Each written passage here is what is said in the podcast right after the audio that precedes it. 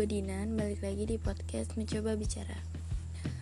Ini podcast ke 5 gue Yeay. Gue masih bikin efek kayak gitu aja deh. Kayak ada di Youtube-Youtube gitu. Yeay, apa sih? Iya, sorry sebelumnya kalau suara gue rada ngap-ngapan. Jadi ceritanya gue lagi sakit. Kalau lu yang mau lanjut skip silahkan skip ke beberapa detik setelahnya. Jadi gini gue lagi sakit nih. Karena waktu itu ceritanya gue kebetulan lagi lapar banget nih balik kerja. Nah setelah itu ada bakwan ada bakwan di atas kulkas. Nah gue kan suka sama bakwan yang garing banget sedangkan bakwan yang ada di atas kulkas gue itu adalah bakwan yang digoreng setengah matang. Nah gue goreng lagi itu bakwannya. Pakai minyak. Ya iyalah goreng pakai minyak. Nah gue goreng lagi. Nah setelah gue goreng itu ya gue makan lah. Jadi lebih enak gitu lebih kris kris gitu bakwannya. Nah tapi setelah itu suara gue mulai seperti ini. Ini udah mendingan ini udah mendingan. Sumpah tadinya suara gue rada hilang. Nah terus pas gue uh, setelah mengalami kejadian itu gue jadi menyesal. Ternyata emang menggoreng bakwan yang sudah digoreng adalah hal yang tidak seharusnya dilakukan dan jangan dicontoh. BTW BTW tahu bakwan kan bakwan. Kalau gue nyebutnya bakwan, tapi kalau orang Sunda nih biasanya nyebutnya bala-bala ya. Nah itu. Nah jadi uh, suara gue mulai agak-agak hilang. Tapi sekarang lumayan pulih dan alasan kenapa gue tetap recording podcast buat episode kelima karena sebenarnya gue udah ingin mencoba konsisten untuk mengupload podcast tiap hari Rabu. Karena di hari Rabu gue libur kerja dan gue harus uh, membuat hidup gue lebih produktif daripada sekedar tiduran di kamar nonton Netflix atau iFlix atau YouTube atau denger podcast orang mendingan gue bikin sesuatu yang mungkin dapat uh, dinikmati. Ce dinikmati. Emang lo menikmati? Enggak mungkin aja bisa jadi teman lo melakukan aktivitas gitu. Jadi gini um, podcast gue yang keempat kemarin itu uh, yang denger udah sekitar 55 orang. Yeay. Itu semenjak podcast gue udah mulai deh bisa didengerin di Google Podcast. Jadi sekarang uh, hitungannya bukan satu aplikasi tapi empat aplikasi tuh. Anchor terus Spotify Google Podcast sama satu lagi radio public. Jadi gue sempet ngepost uh, logo podcast gue tuh terus bawahnya ada tulisan available on apa apa apa apa nah mungkin pada dengerin lewat uh, aplikasi yang berbeda gitu. Tapi gue masih banget loh buat yang udah dengerin podcast gue. Dan itu pencapaian yang luar biasa jadi seenggaknya gue bisa berguna gitu. Bisa nemenin aktivitas lo di luar sana gitu. Tapi karena uh, udah banyak yang denger podcast gue otomatis banyak juga yang uh, mengirimkan kritik saran terus pujian dan lain-lain. Ya yang kritik banyak yang muji banyak. Hei sombong banget. Terus yang ngasih saran juga nggak kalah banyaknya. Dan yang ngajak bikin podcast karena pengen ngomong banyak tentang kehidupannya pun ada lah beberapa nggak banyak. Tapi ada beberapa yang uh, langsung DM gue di Instagram kayak ayolah Dinan bikin podcast bareng gue gue mau nih apa coba ngomong tentang kehidupan gue. Siapa tahu bisa sharing ke orang-orang yang emang udah denger podcast lo. Ya gue sih seneng nih kayak gitu ya. Seneng banget malah. Tapi ada juga beberapa orang yang emang tadinya nggak tahu podcast itu apa. Terus tiba-tiba ngejudge gue kayak apaan sih? Kok lu bikin kayak gitu-gituan? Gak jelas banget ngomong-ngomong dan bukan satu atau dua orang gitu. Maksud gue gini gue uh, dengan sangat senang hati dikritik seperti itu gue akan menerima dan akan uh, apa ya memperbaiki apa yang sudah gue buat gitu. Cuma ada beberapa yang uh, mengirimkan kritik tapi dengan bahasa yang uh, tidak sopan gitu. Maksudnya bikin gue tersinggung gitu. Mungkin mungkin maksudnya bercanda. Cuma ya gimana ya? Dipikir dulu lah bro kalau mau uh, mengomentari apalagi sampai sindir menyindir gitu.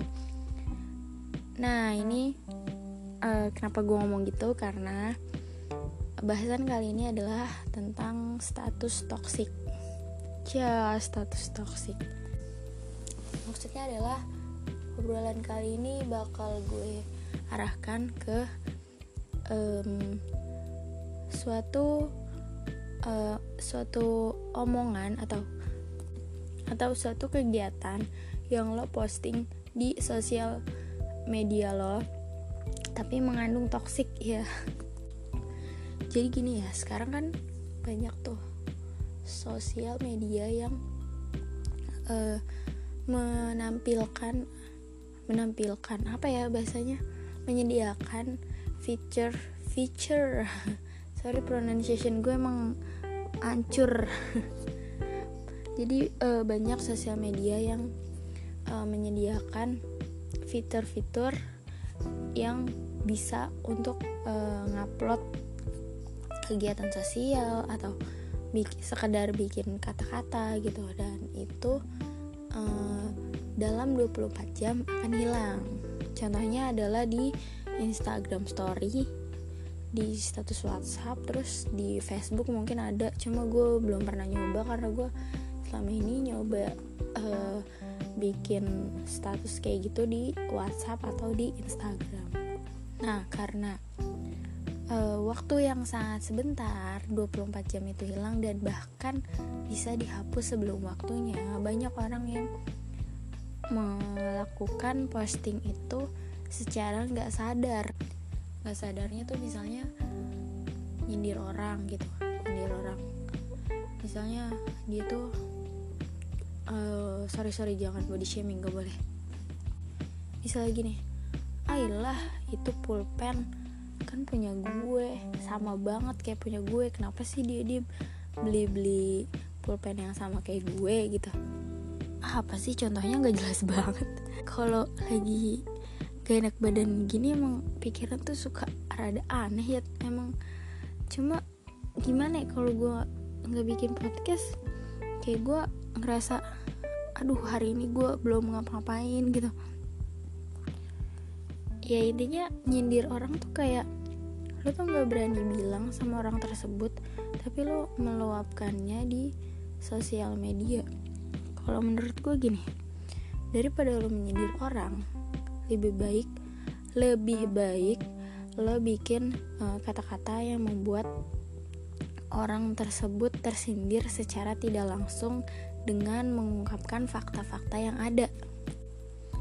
Atau bisa juga lo um, daripada langsung menyindir secara to the point mendingan lo bikin kata-kata puitis gitu yang bisa uh, karya lo itu akan uh, sebenarnya bisa dirasakan oleh orang lain. Misalnya kayak di Instagram nih gue sering lihat nih postingannya. Kayak misalnya cewek tuh dandannya lama banget sih dia ngapain aja kayak gitu kan. Sebenarnya itu adalah bentuk uh, kekesalan seorang cowok terhadap ceweknya yang kalau misalnya uh, dia ke rumahnya terus ternyata ceweknya belum siap sementara dia udah siap-siap dari sholat subuh dan ternyata pas datang ke rumah ceweknya ceweknya masih dandan lama banget. Dan ternyata itu dirasakan oleh semua orang gitu.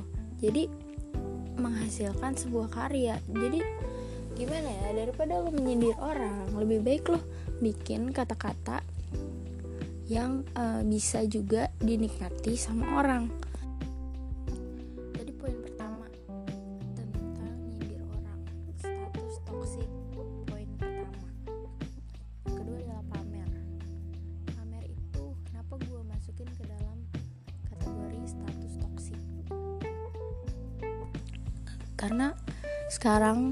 gue lihat um, sosial media atau uh, yang tadi gue bilang status-status atau aplikasi yang menyediakan fitur status-status seperti itu kebanyakan digunakan adalah untuk pamer. Misalnya lo habis nonton nontonnya di uh, gancit nih atau di Pondok Indah Mall di PIM terus uh, lo nontonnya di IMAX atau di Premiere dan harganya itu lo zoom out gitu. Kayak maksudnya apa sih? Kan yang mau uh, lo kasih tahu lo udah nonton film ini. Terus uh, apa masalahnya dengan harganya gitu? Menurut gue daripada lo uh, menzoom out harga atau tempat di mana lo nonton mendingan lo bikin review gimana sih film itu film yang udah lo tonton itu apakah bagus dan um, mungkin itu lebih bermanfaat dan bisa dijadikan referensi orang untuk uh, menghabiskan waktu akhir pekannya. Misalnya uh, untuk orang yang nggak tahu nih ke bioskop pengen nonton film apa gitu kan atau misalnya lo beli sepatu nih lo beli sepatu yang diupload yang lo jadiin status bukan um, sepatunya. Gue pernah tuh lihat kayak gitu. Kayak lo, dia tuh jadi dia tuh um, ngupload sorry dia beli sepatu nih. Beli sepatu bukannya sepatunya yang dijadiin story tapi struknya.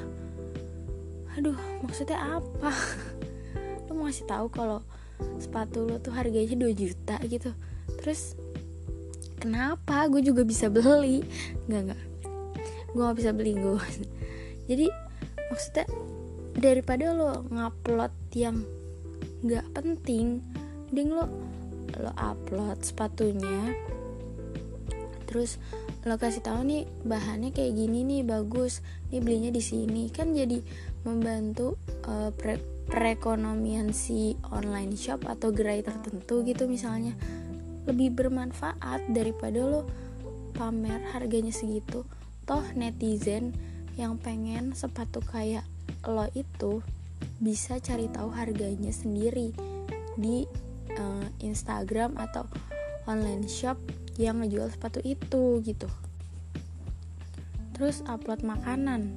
Upload makanan yang yang lo upload seruknya juga. Ya buat apa mendingan tuh lo upload makanannya. Makanannya kayak gini. Terus habis itu lo review deh. Ini enak nih ininya. Terus belinya di sini.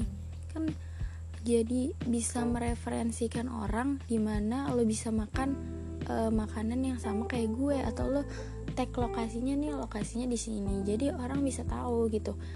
Bisa um, mereferensikan di mana dia bisa makan uh, yang dia lihat. Biasanya gini sih gue tuh orangnya apa ya lapar mata sih. Kayak misalnya gue pengen makanan nih pengen mie misalnya. Uh, tadinya gue sebelumnya nggak pengen mie tapi ketika gue lihat postingan orang yang sebegitu enaknya kelihatannya tuh enak gue jadi pengen gitu. Kayak lapar mata jadi seenggaknya status pamer makanan lo itu bisa menjadikan uh, gerai makanan itu lebih laris gitu dengan uh, bertambahnya pembeli yaitu lo gitu. Dan itu lebih bermanfaat sih daripada lo pamer dengan harga yang segitu. Maksudnya apa? Ya emang sih buat info juga gitu. Jadi kalau lo makan di situ lo tahu harganya. Cuma gimana ya kesan masyarakat yang melihat lo pamer harga itu beda. Ya mungkin nggak um, gue doang atau gue doang ya nggak ngerti. Tapi kalau sudut pandang gue itu kayak gitu. Jadi ke kalau misalnya uh, lo bikin status daripada lo uh, membuat status-status toksik mendingan lo bikin status yang emang ah sebelum sebenarnya lo emang kayak poin satu lo nyindir orang kayak poin dua lo pamer tapi lo bisa bermanfaat dengan ketoksikan lo itu. Yang ketiga itu galau. Gue sering banget ngelihat uh, orang-orang galau gitu di sosial media termasuk gue. Gue juga sering galau. Gak mungkin karena gue cewek. Apalagi uh, karena kalau mikirin uh, si dia gitu ya kan. Atau galau karena uh, urusan gitu. Kan galau banyak ya macamnya nggak cuma cinta doang digalauin semua hal juga bisa digalauin. Tapi kegalauan itu bisa lo jadiin sebuah karya. Percaya sama gue galau itu bisa dijadiin sebuah karya. Daripada lo nulis kata-kata um, yang apa ya kelihatan banget lo galau mendingan lo bikin uh, sebuah kata-kata yang uh, walaupun lo galau juga bisa dinikmati orang gitu kayak misalnya gini. Kayak misalnya gini. Lo lagi galau gitu. Lo lagi merindukan seseorang misalnya. Terus lo bikin status kita bagi tugas ya. Aku yang kangen kamu yang rindu. Terus bawahnya lo kasih nama lo. Misalnya gue Dinan. Lo tulis tahun lo eh tahun lo.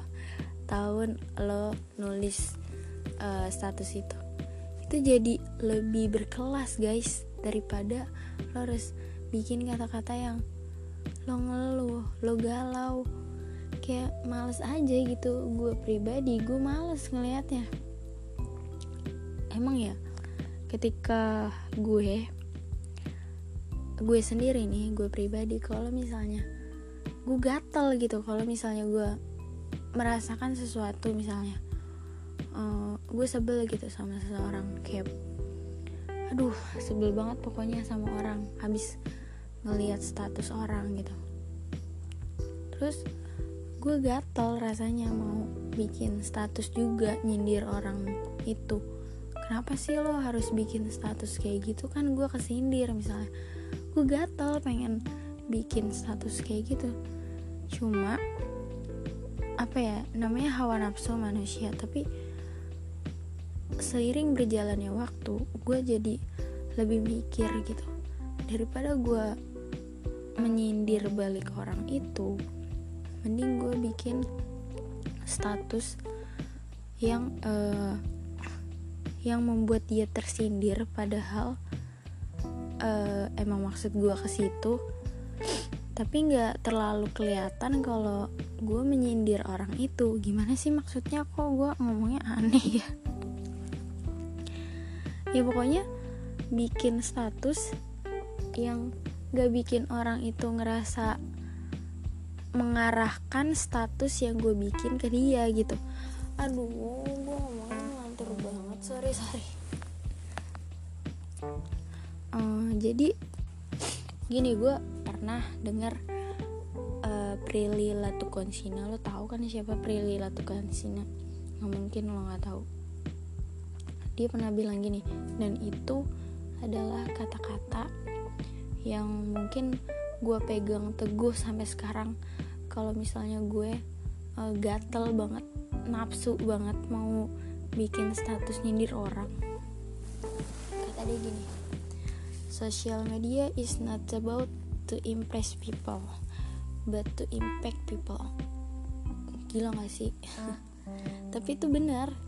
Jadi kayak sosial media tuh bukan buat bikin orang terkesan bukan bikin orang uh, wah gila lo hebat banget bukan buat kayak gitu sebenarnya. Tapi sosial media adalah uh, suatu wadah untuk bikin orang uh, punya impact gitu. Punya punya pengaruh tersendiri gitu bikin orang jadi misalnya Prilly Latukonsina itu adalah seorang artis tapi dia tuh bisa uh, menyelesaikan pendidikan dia gitu. Dia bisa tetap berkarir dengan melanjutkan pendidikannya. Dan itu dia share di sosial media dia. Dan secara nggak langsung dia itu mengimpact orang netizen orang yang ngefollow dia supaya kalau misalnya lo boleh berkarir uh, lo boleh nyaman dengan dunia lo tapi pendidikan adalah nomor satu gitu. Itu baik itu baik dan harus dicontoh. Jadi sosial media adalah wadah yang bikin sesuatu hal yang positif. Jadi sosial media itu adalah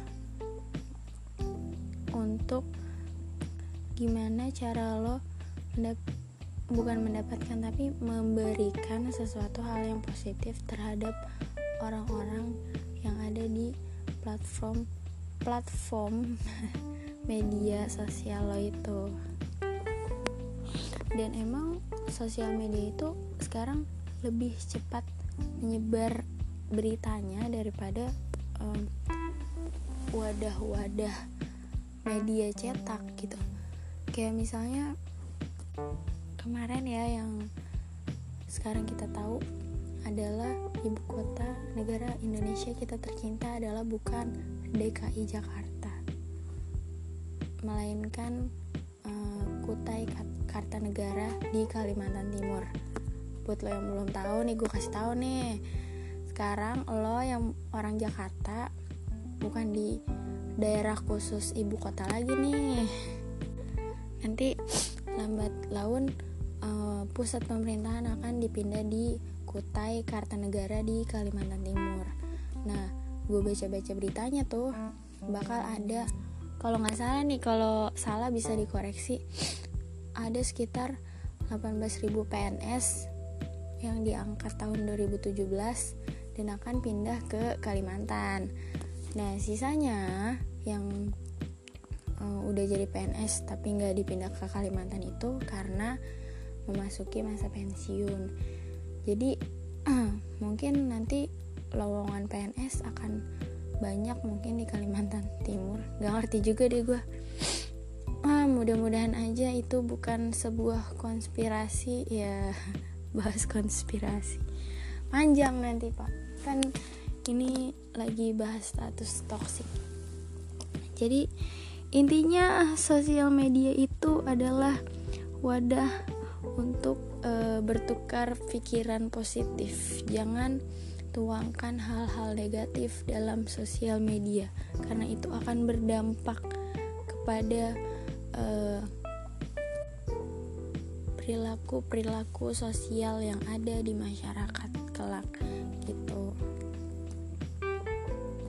Aduh jadi ini apa gue ngero beh ngerecording podcast ini gue skip skip gue kayak record terus pause record pause karena gue dengan semaksimal mungkin untuk menahan batuk gue aduh sorry banget. Apalagi kalau suara gue sengau kayak bebek gak enak didengar. Sorry banget. Jadi jadi hmm, saran gue kalau misalnya ada orang yang bikin status toksik atau status yang ngeganggu lo mendingan lo mute aja tuh status. Jadi nggak bikin lo emosi atau nafsu buat bikin status yang toksik juga gitu. Jadi mengurangi hawa-hawa negatif yang ada di sosial media. Tolonglah sosial media itu dibikin untuk kita bisa um, mempermudah komunikasi bukan untuk um, menciptakan hal-hal yang negatif gitu. Gila gue lagi sengau gini bikin kata-kata motivasi mulu. Ya, ya jadi itu daripada lo kepancing buat bikin status yang sama mendingan lo mute atau lo bisuin aja tuh status. Atau bagi lo yang atau penasaran buat lihat status itu ya silakan dilihat tapi ya jangan dihiraukan gitu. Hmm, dan gini ya berhati-hatilah buat pakai sosial media. Jangan asal ngomong jangan asal sembarangan ngomong karena sekarang sosial media itu adalah um, salah satu platform yang udah diatur sama pemerintah udah ada undang-undangnya sendiri ya. Kalau misalnya lo sering sering dengar undang-undang ITE nah itu adalah undang-undang yang mengatur tentang um, platform-platform digital atau undang-undang informasi dan transaksi elektronik yang mengatur tentang ini gue sambil searching juga nih mohon maaf nih karena uh, masih nyari tahu juga nih sorry mohon maaf ya. Jadi undang-undang informasi dan transaksi atau yang disingkat dengan undang-undang ITE itu adalah undang-undang yang mengatur tentang informasi serta transaksi elektronik atau teknologi informasi secara umum yang diterbitkan pada tanggal 5 September 2005 gue main Facebook.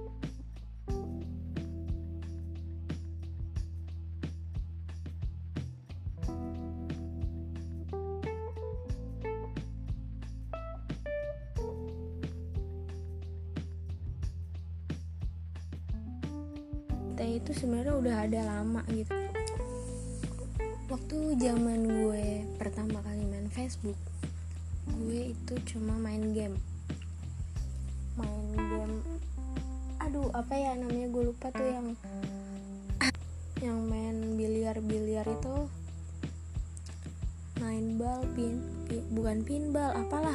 namanya karena itu udah lama banget jadi gue lupa. Nah itu buat main game. Terus buat bikin status galau-galauan karena cinta ya namanya juga anak SMP ya. Dan pengguna Facebook waktu itu belum sebanyak sekarang. Jadi nggak semua orang tahu Facebook. Gue sendiri tahu Facebook karena waktu itu gue ditugasin sama guru TIK guru TIK jadi ada pelajaran namanya teknologi informasi dan komunikasi. Itu adalah pelajaran tentang gimana kita menggunakan teknologi. Dan di situ gue disuruh bikin Facebook. Karena waktu itu belum banyak yang bikin Facebook. Termasuk gue. Gue belum punya Facebook. Dulu gue mainnya Friendster. Ya. entahlah sekarang masih ada atau enggak. Cuma dulu. Yang jelas gue tau Facebook karena gue dikasih tugas sama guru tik gue. Dan gue masih main Facebook masih buka-buka Facebook sampai sekarang. Dan emang um, yang gue lihat sekarang Facebook lebih uh, produktif gitu kayak nyari-nyari lowongan kerja atau sekarang gue buka Facebook ya itu buat nyari-nyari lowongan kerja atau buat cari hal-hal atau video yang lucu. Tapi nggak sedikit juga orang sekarang pakai Facebook itu untuk menyindir-nyindir atau membuat status toksik itu. Dan lebih banyak di Facebook daripada di platform lain dengan tulisan-tulisan yang gede kecil gede kecil atau pakai angka gitu ya kan. Terus balik lagi ke undang-undang ITE tadi. Kenapa undang undang-undang ITE itu disebut sebagai undang-undang yang berbahaya? Gak tau jadi uh, gimana ya? Undang-undang ITE itu kayak misalnya um, sekarang undang-undang ITE itu digunakan sebagai uh, wadah untuk melindungi nama nama baik suatu perusahaan atau suatu institusi gitu. Aku juga ngerti kenapa. Tapi itu kayak semacam wadah mereka berlindung aja. Tapi kadang disalahgunakan gitu. Kayak misalnya ada youtuber nih mengkritisi salah satu institusi padahal supaya gimana ya demi kebaikan gitu demi kebaikan supaya dia meningkatkan pelayanannya gitu. Tapi ternyata dia malah kena undang-undang ITE pencemaran nama baik. Terus akhirnya di penjara. Banyak sekarang kasus kayak gitu. Jadi intinya lo main sosial media harus hati-hati. Gak semua omongan lo masuk ke orang yang lo omongin gitu. Kadang uh, omongan yang lo omongin di sosial media itu bikin orang tersebut tersinggung. Jadilah ada undang-undang ITE itu yang melindungi orang-orang yang uh, membuat rugi. Apa sih nan? Aduh gue udah nggak konsen nih pokoknya intinya itulah ya lo bisa cari di Wiki, Wikipedia apa itu undang-undang ITE kayaknya omongan gue udah kabur nih. Udah aneh. Makasih buat lo yang udah dengerin podcast gue sorry banget nih diakhiri. Karena nih gue recording jam 10 malam. Dan suara gue udah mulai habis. Sorry banget nih kalau banyak noise. Gue batuk lah gue ngomong yang lantur lah thank you banget buat lo yang udah dengerin podcast gue mencoba bicara semoga podcast kali ini ada nilai positif yang bisa lo ambil. Dan buat lo yang punya kritik atau saran silahkan DM di Instagram gue. Dan atau mungkin oh, buat lo yang pengen podcast bareng gue ngobrol bareng silakan DM di Instagram gue. Bisa apa apa yang mau lo omongin jangan lo mau ngomong tapi lo nggak tahu mau ngomong apa kan gue juga bingung. Jadi gitu aja. Semoga podcast ini bisa uh, nemenin lo kali ini. Thank you banget. See you